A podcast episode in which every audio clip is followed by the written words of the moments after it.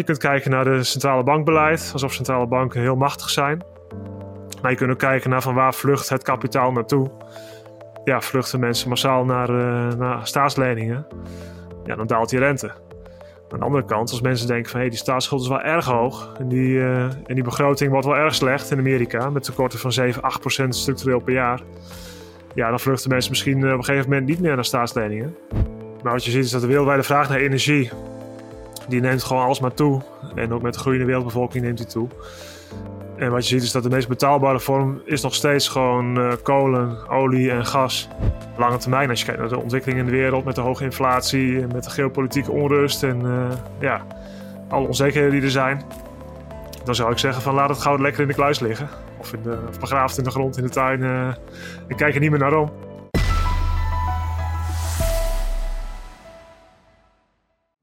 Beste kijker, welkom bij weer een nieuwe aflevering van onze Holland Gold podcast. Vandaag spreek ik met onafhankelijk analist Frank Knopers van Geotrendlines. We gaan het hebben over de geopolitieke ontwikkelingen op dit moment in de wereld en hoe je daar met, uh, als investeerder mee om moet gaan. Welkom Frank. Ja, bedankt voor de uitnodiging. Leuk om hier weer te zijn voor de, voor de update. Dus uh, we gaan een aantal onderwerpen bespreken. Laten we gelijk maar uh, van start gaan. Er zijn een hoop dingen uh, die gebeuren in de wereld. De laatste tijd is het uh, aan nieuws geen gebrek. Ja, om te beginnen, uh, dit zijn de onderwerpen voor vandaag. We gaan het hebben over de, de goudmarkt, Midden-Oosten en ook over de rentebeweging, kort samengevat. Ja, we hebben al gezien de laatste tijd dat de goudprijs heeft een nieuw record behaald. Dat is deze slide. en dan zie je dat goudprijs in, in euro's is gestegen tot 61.143 per kilo. Ja, dat is het niveau van, uh, van maart uh, vorig jaar. Dat was kort na de Russische inval in Oekraïne. En je ziet dat, uh, ja, dat er ook heel veel mensen toch goud zien als een veilige haven in tijden van onrust. Ja, dat zag je met de oorlog vorig jaar, een piek. En nu zie je weer een piek, tenminste eind oktober, met ontwikkelingen in Israël. Met ja, al het geweld wat daar plaatsvindt en de vrees voor escalatie. En dan zie je dat, ja, dat goud in euro's heeft al een record bereikt en dollars nog niet. Maar wel, uh, ja, het is wel ontzettend, uh, ontzettende stijging geweest van de prijs de laatste tijd. Omdat mensen toch zich zorgen maken over wat gaat gebeuren in de wereld en welke gevolgen dit heeft. Dus je ziet al dat mensen voorsorteren op, op die marktontwikkelingen. Ja. er was wel heel veel discussie over die prijs ook. Want ja, was het nog wel of geen record? En ja, van welke prijs kijk je dan naar? Nou, hebben we de volgende slide om het kort samen te vatten. In principe zijn er verschillende plekken waar je de goudprijs kunt vinden. Je kunt kijken naar de, de LBMA-fixing. Dat is de London Bullion Market Association. En die, uh, ja, die bepalen elke dag wat, uh, wat de goudprijs is met een aantal banken. Een soort gelijke fixing is er sinds een aantal jaar ook in, in China. De Shanghai Gold Fix. En die geven dus twee keer per dag geven we die bij de fixings een, een referentieprijs af. En die prijs gebruiken handelaren en uh, goudmijnen en grote partijen in de markt om, om, ja, om de prijs van goud te bepalen. Daarnaast heb je de spotmarkt. Dat zijn gewoon rechtstreekse transacties tussen mensen die goud willen kopen. Dat is de OTC-handel en dat is directe transacties tussen, uh, ja, tussen goudbanken. En dan heb je de futuresmarkt. En dan gaat het over derivaten op goud in de vorm van uh, termijncontracten. Want spot, het gaat om directe levering van goud. En die prijs wijkt af van de prijs op de futuresmarkt. Dus als je naar de futures kijkt, ik heb hier uh, een overzicht van de CME uh, toegevoegd. Dat is een beurs waar dus die contracten worden verhandeld. En dan zie je dus een aantal contracten staan van november 23 tot en met augustus 24. En dan zie je dat die prijs ook uh, oploopt. En dat komt omdat ja, er zit een bepaalde premie die mensen inberekenen voor de toekomstige levering van het goud. En heb je dus ook te maken met opslagkosten en met uh, rentestanden, misgelopen renteinkomsten en ook met uh, de verwachtingen van vraag en aanbod. Dus dan zie je wel dat er heel veel verschillende prijzen zijn waar je naar kunt kijken in de markt. En de goudprijs, die recordprijs die we net zagen, dat is, dat is de spotprijs. Dat wordt uh, ja, 24-7 bijna. Dus op werkdagen is dat uh, van morgens vroeg tot avonds laat wordt dat verhandeld. En dat, die prijs ging dus naar recordhoogte. Als je de fixing kijkt van Londen, dan is dat niet een record geweest. Maar het was een heel kort moment intraday, zeg maar. Maar dat, uh, die futures, dat is dus dat verschil waar we het de vorige keer over gehad hebben. Dus uh, dat het eigenlijk een soort papieren markt is uh, ten opzichte van de spot, waar het echt over het fysieke goud gaat. Nou, ook spot gaat vaak niet over fysiek goud. Dat is wel grappig, dan hebben we ook een mooie brug naar de volgende slide. Want hier, hier is het overzicht van hoe goud verhandeld wordt. Deze, de cijfers zie je ook vaak terug bij de LBMA. Die communiceren dan van goud is super liquide, kun je makkelijk verhandelen. Maar als je gaat kijken in die cijfers, dat wordt allemaal netjes gepubliceerd door de, door de LBMA. Van waar wordt dan precies goud verhandeld, op welke manieren. Dan zie je dat uh, ja, het OTC, over de counter, dat is eigenlijk het grootste deel. Dat is het donker, donkergroene in dit uh, plaatje. Dan praat je over 100 miljard aan, aan goud per dag. Ja, dat zijn echt uh, duizendwekkende volumes van, van ja, honderden tonnen. Ja, dat, dat wordt niet fysiek verplaatst. Er wordt alleen op papier wordt dat verhandeld dat een andere eigenaar erop staat. Dus dat, uh, dat is eigenlijk heel veel papieren handel in derivaten. Dat mensen dus ja, een claim op goud hebben, maar niet feitelijk fysiek goud bezitten. En als je dan kijkt naar die uh, cirkeldiagram, dan zie je ook dat lichtgroene gedeelte. Dat is ook een aanzienlijke pluk van de dagelijks handelsvolume in goud. Dat zijn dan de exchanges. Dus dat zijn de, de, de COMEX en de, de Shanghai Gold Exchange en de Shanghai Futures Exchange. En dat zijn die futures contracten. En die bepalen dus ook voor een belangrijk deel uh, de, ja, de handel in goud en hoe de prijs tot stand komt. Kijk je echt naar het fysieke goud, dan ga je bijvoorbeeld naar ETF's toe. Die hebben echt fysieke goudvoorraden die ze moeten dekken met hun uh, contracten. Ja, dat is echt maar een snippertje van het dagelijkse handelsvolume in goud. Dan praat je over 1,6 miljard volume per dag. Op een totaal volume van, als ik goed kijk, iets van 150 miljard. Dus dat is maar uh, iets meer dan een procent wat, er, uh, wat, wat de ETF's vertegenwoordigen in die handel. En als je naar het fysieke goud kijkt, dat staat hier dan niet in. Dat is ook moeilijk om te berekenen van hoeveel goud er fysiek wordt verplaatst uh, per dag. Maar dan zie je wel bijvoorbeeld het jaarlijkse, de jaarlijkse cijfers van de World Gold Council geven aan dat er 800 ton goud wordt verhandeld per jaar aan munten en baren. En als je dat omrekent, dan praat je over 50 miljard aan goud op jaarbasis. En hier hebben we het over dagbasis. Dus uh, ja, dit bevestigt eens te meer dat, dat de fysieke goudhandel is echt maar een fractie van uh, alles wat er op papier verhandeld wordt aan goud. Dus als de, als de mensen die dus in al die uh, afgeleide producten handelen, die dus wel gebaseerd zijn op de goudprijs en soms ook dat er een fysieke levering mogelijk is, maar dat doet men vaak niet, dan, dan zal je al heel gauw eigenlijk een, een probleem krijgen.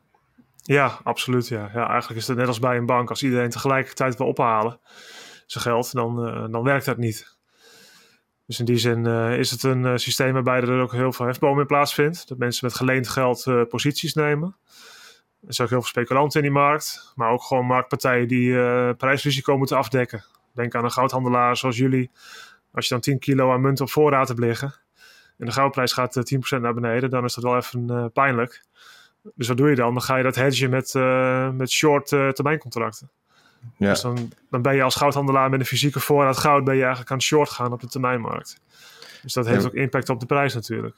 Ja, wat ik even interessant vind, Frank, is dat uh, de vorige keer dat uh, de goudprijs zo steeg, dat was in maart. Toen ging die eigenlijk ook van 55.000 euro per kilo naar 60.000 in volgens mij een paar dagen.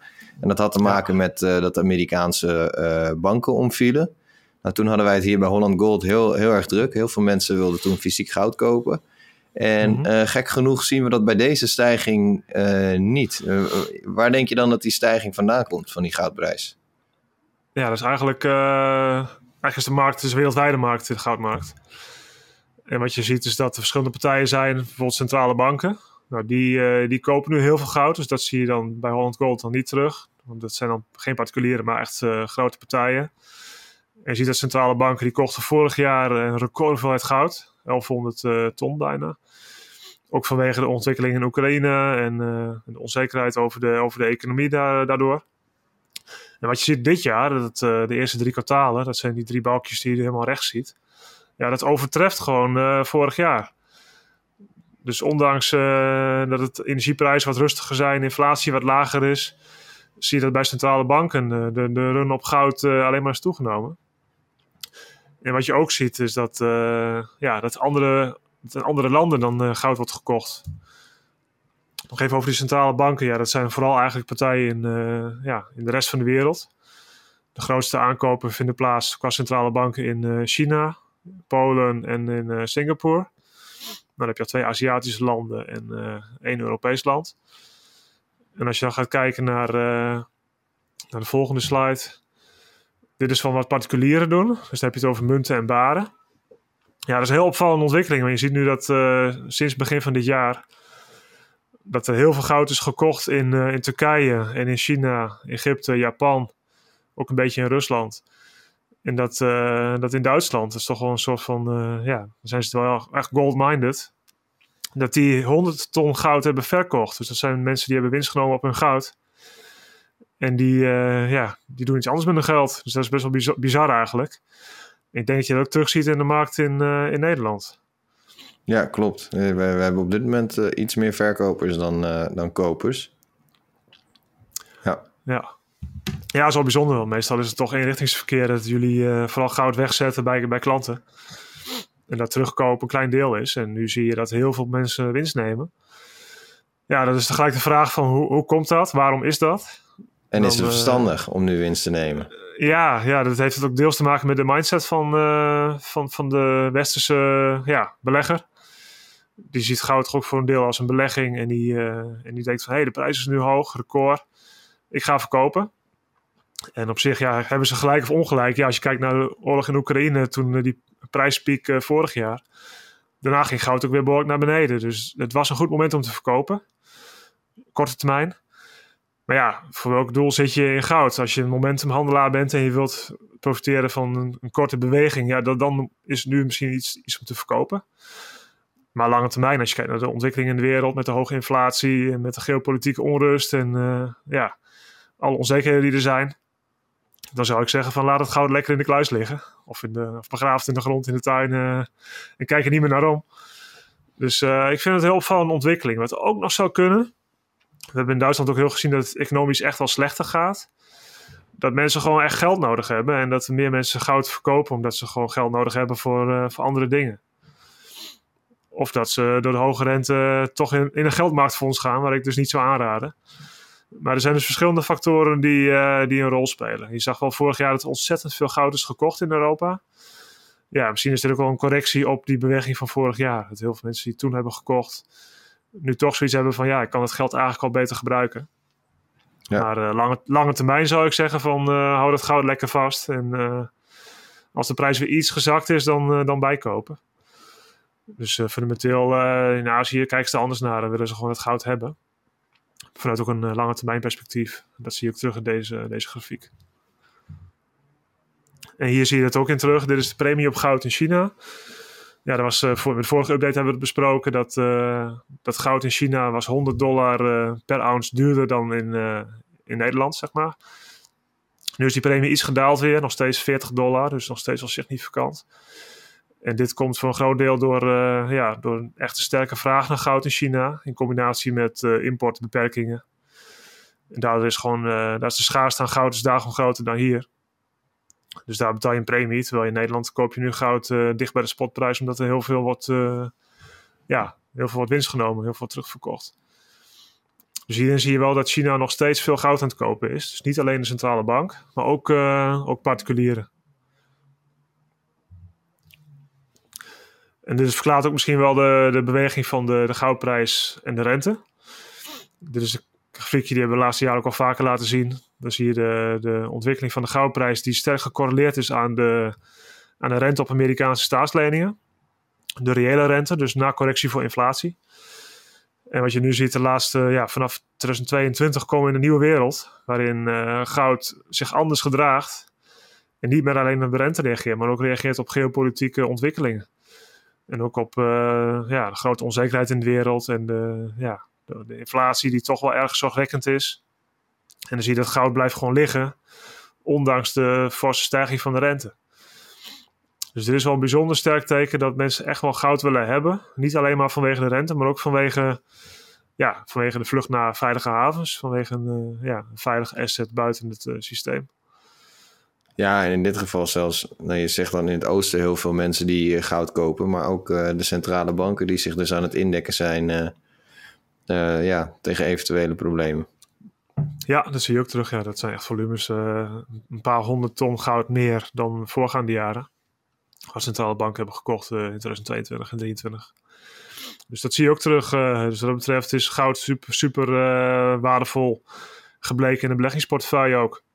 Als we het hebben over investeerders en wat ze met hun geld moeten doen. Ja, als je de afgelopen twee jaar een stukje goud en een stukje bitcoin in de portefeuille had. Ja, dan zat je nu al goed qua rendement. En ook bitcoin is fors gestegen de laatste, laatste maanden. En dat bereikte zelfs de hoogste koers in, in 18 maanden. Bitcoin is sinds eind vorig jaar al in euro's al verdubbeld. Dus ook dat speelt een rol als vluchthaven. En dat is dus ja, een hele mooie combinatie goud en bitcoin in de portefeuille. Yes. Maken we de brug naar het Midden-Oosten. Ja, we hebben dus heel veel uh, al gezien. Ja, vanaf de, de, de terreuraanslagen van 7 oktober. Ja, het is allemaal één groot menselijk drama. En ja, dan kun je altijd hebben over van wie, wie past hier het meeste geweld toe en wie past het ergste geweld toe. En, en is een aanslag van Hamas erger of minder erg dan die bombardementen van Israël. Ja, als je daar naar kijkt, het, er zit zoveel historie achter. Het is heel moeilijk om dat te ontwarren en te bepalen wie nou het gelijk aan zijn zijde heeft. Ja. We hebben op GeoTrendlines wel een paar analyses geschreven. Een analyse over, uh, over het conflict Israël en uh, wat het betekent voor, de, voor de, ja, de wereldorde. Daar kom ik zo nog op terug. En er was een heel mooi interview met een Franse diplomaat, de Philippijn. En die gaf ik heel duidelijk aan van ja, als je nu geweld met geweld beantwoordt, wat Israël ook aan het doen is, en waar ze misschien ook wel echt het recht toe heeft, ja, dan is het gevolg dat het, uh, dat het niet echt beter wordt en dat het zeker voor Israël niet beter wordt. En dit interview dat hebben we vertaald voor onze abonnees op Geotrendlines, maar dat kun je ook gewoon uh, op internet vinden. Gewoon met Engelse vertaling. Maar dat is wel een heel waardevol uh, interview om te kijken van hoe, hoe die context van het conflict is. Ja, ik, las, ik... ik las vandaag ook over Hamas uh, dat ze heel erg tevreden waren over de impact van uh, de aanslagen op 7 oktober. En dat ze zelfs aangenaam verrast waren. Ja, dat is natuurlijk wel heel erg pijnlijk om zoiets te lezen. Ja, ja absoluut. absoluut. Ik denk, ja, ik kijk er ook strategisch naar van wat is, wat is precies het idee geweest van Hamas. Ja, Hamas is gewoon een, een, een dwerg vergeleken met het Israëlische leger. Dus ze kunnen nooit uit zichzelf Israël verslaan. Dat gaat ze niet lukken. Dus ik denk dat ze de tactiek hebben gehanteerd van we gaan een, val, uh, een valstrik leggen met deze aanslag. We gaan iets doen waar Israël op moet reageren. Nou, dat doet Israël ook. Maar op een dusdanige manier dat, dat de rest van de wereld eigenlijk Israël uh, denkt van ja, wat, wat is daar aan de hand? We gaan Israël niet meer steunen. Dus dat de publieke opinie zich tegen Israël keert. Ik denk dat dat het doel van Hamas is geweest. dat ze de uh... uithaal van Israël pakken en dan ja, met, met zich meetrekken en dat Israël op de grond uh, komt te liggen. Onder druk van andere landen. Dus dat is, uh, als dat hun doel is, dan ja, de escalatie is nog beperkt gebleven. Maar dat is wel, uh, tot nu toe is dat wel echt, dan zie je wel dat de opinie zich kantelt. En ook meer en meer tegen Israël. En dat is wel, ook wel zorgwekkend. En wat betekent dit nou? ja, eigenlijk klinkt een beetje cru, maar voor de investeerder. Ja, ja, in principe het is onze expertise om te kijken naar de, de financiële markten en de link met geopolitiek. Dus laten we daar ook uh, tot die hoek beperken. Ja, je ziet de olieprijs die, uh, die schoot omhoog. We hebben hier uh, een grafiek, die behoeft maar uitleg misschien. Maar je zag de laatste maanden een stijging van de olieprijs tot 95 dollar per vat ongeveer. Nou, vlak voor die aanslagen van Hamas ging de prijs in één keer, was die gedaald van 90 naar 85 of zo. En toen begon in één keer die, uh, die terreuraanslag. En toen ging de olieprijs weer heel hard omhoog. Weer terug aan die oude piek. Je ziet nu dat die prijs weer verder wegzakt. Dus uh, ja, wat je daaruit kunt concluderen is dat die, die, ja, die olieprijs reageert op geopolitieke spanningen. Als in, dan stijgt de prijs. Maar onderliggend zie je wel economische fundamenten die verslechteren. En wat je nu de laatste weken ziet, en ook vandaag en gisteren, die olieprijs die zakt door de 80 dollar heen per vat ja, nu krijgt gewoon de economische, ja, het slechte economische nieuws krijgt nu weer de overhand. En het weegt nu weer zwaarder dan de, de geopolitieke premie op, op goud en op olie. Ja. Vooral olie in dit geval. En dan zie je wel in één keer een daling. Nee, dit zijn dan een beetje, de, uh, hebben we het eigenlijk over de dagkoersen, of de weekkoersen, de maandkoersen. Hoe zie jij uh, olie uh, op de lange termijn? Want ik toevallig uh, ik heb een video gekeken van uh, Rick Roel. Nou, ik raad iedereen aan om, uh, om daar naar te, naar te kijken. Hij is vooral op basis van uranium, daar heeft hij het heel veel over. Maar hij zegt ook mhm. dat ja, de vraag naar olie die zal pas over 40 jaar pieken, zeg maar in 2065 ongeveer. Terwijl wij natuurlijk hier in Nederland horen dat we heel snel van het olie en de fossiele brandstoffen afgaan en af moeten, waardoor er ook geen investeringen meer gedaan worden in gas- en oliebedrijven. Zie jij dat mhm. misschien als een, ja, als een soort buitenkansje voor beleggers om, om toch in die industrie te gaan, gaan beleggen? Ja, ik denk het wel. Ik denk, ja, als ik even terug ga naar de slides, dan zie je, we hebben hier een stuk over de gasvelden. Dat kunnen we straks al bespreken misschien, maar dat, daar is ook heel veel om te doen.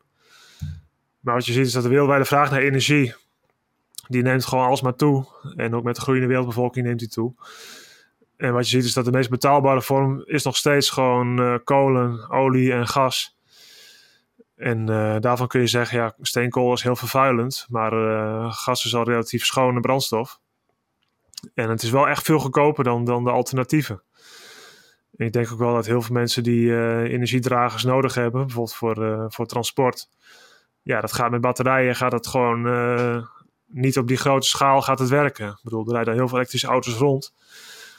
Maar ja, als je de hele infrastructuur op, op elektrisch wil doen, dan heb je ook problemen met je stroomnet en met je energievoorziening en het opladen. Dat is echt nog heel ver weg. En de politiek gaat nu heel erg pushen om dat te versnellen. Maar nu lopen ze vast op allerlei obstakels. Ze lopen vast op het stroomnet, wat uh, niet aan kan.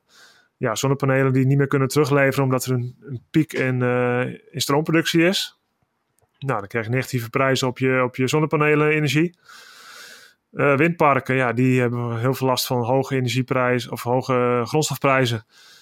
Stijgende rentes, ja, dat, dat wordt ook veel duurder dan eerder werd gedacht ja, dan is het gewoon heel logisch om te kijken naar, uh, naar wat, ja, wat nodig is om iedereen een ja, betaalbare en betrouwbare energie te kunnen voorzien.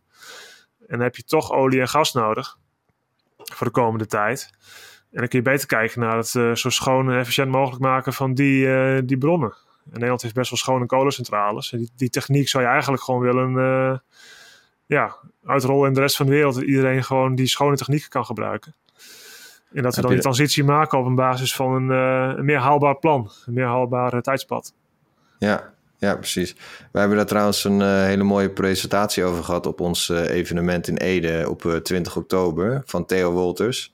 Zullen even de link ook weergeven. hij, hij heeft het echt over die haalbaarheid van die energietransitie. En hij geeft ook aan dat dat echt een illusie is. Maar zie, zijn er dan buitenkansjes, zeg maar, ja, zijn er dan bepaalde olieaandelen of heb je iets concreets? Of? Ja, absoluut. Kijk, ik heb hier een uh, nog extra slide erbij gepakt. Het is iets oudere, maar het ja, je hebt er meerdere van. Maar dit laat het aantal nieuwe ontdekkingen zien van olie- en gasvelden. En de investeringen die ze doen in, de oliebedrijven doen in nieuwe ontdekkingen van nieuwe velden. Dan zie je gewoon echt een dalende trend vanaf 2010.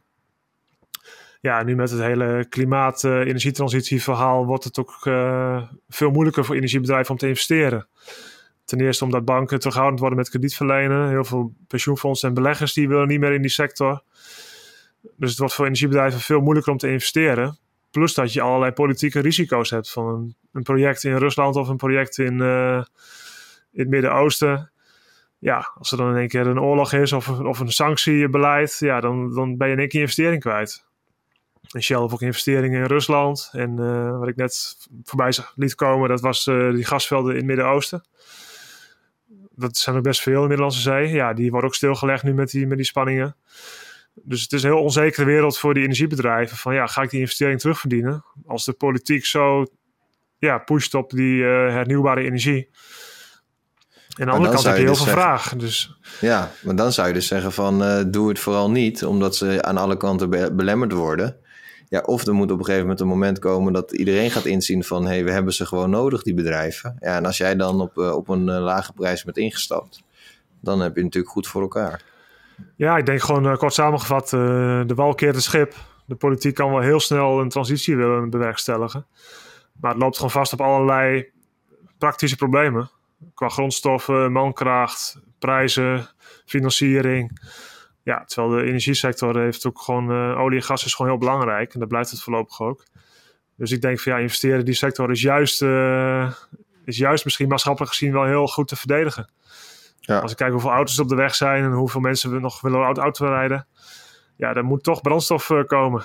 Dus in die zin denk ik dat het wel echt een kans is. Zeker als pensioenfondsen uitstappen dan denk ik van ja, dat blijft een mooie kans liggen om uh, energieaandelen te kopen. En ook de koers-winstverhoudingen zijn echt best wel laag nog van de Europese energiebedrijven. Zeker vergeleken met Amerikaanse. Dus daar zit echt wel uh, groeipotentieel, denk ik. Ja. Zowel qua dividend als qua koersontwikkeling. Ja, we gaan bijna, bijna afronden. We hebben nog één onderwerp. Ja, laten we dit gewoon even overslaan van nu. Dat hebben we eerder ook al besproken, dus uh, dat slaan we even over. Uh, de rente. Ja, de rente is wel gedaald de laatste ja, dagen, weken. Zelfs in de hypotheekrente in Amerika is iets gedaald vanaf echt recordniveaus. Ik heb hier de grafiek gepakt van de afgelopen vier jaar. Ja, de Amerikaanse 10-jaarsrente die was uh, eh, 5% uh, onlangs in oktober. En die is nu ja, naar 4, richting 4,5 gezakt. Dus dan is de vraag van waarom daalt die rente? Er zijn heel veel uh, verschillende visies op. Uh, het is ook gewoon een heel complex verhaal van er zijn heel veel factoren die het beïnvloeden. Het heeft ook te maken met geldstromen en ook met verwachtingen over de inflatie. Ja, en over de inflatie gesproken, dit is dan een van de redenen misschien waarom de, de rente weer daalt. Is dat die inflatie, uh, die, ja, die komt iets van het hoge niveau af, volgens de officiële statistieken. En daarom gaan heel veel beleggers gaan er nu vanuit dat centrale banken stoppen met renteverhogingen of, of misschien zelfs rente gaan verlagen. Dus het is een bepaalde marktverwachting die nu draait. Van de, de inflatiedruk neemt iets af. De economie vertraagt, dus uh, de prijzen kunnen nog verder dalen. Plus dat centrale banken misschien uh, eerder de rente gaan verlagen dan verhogen.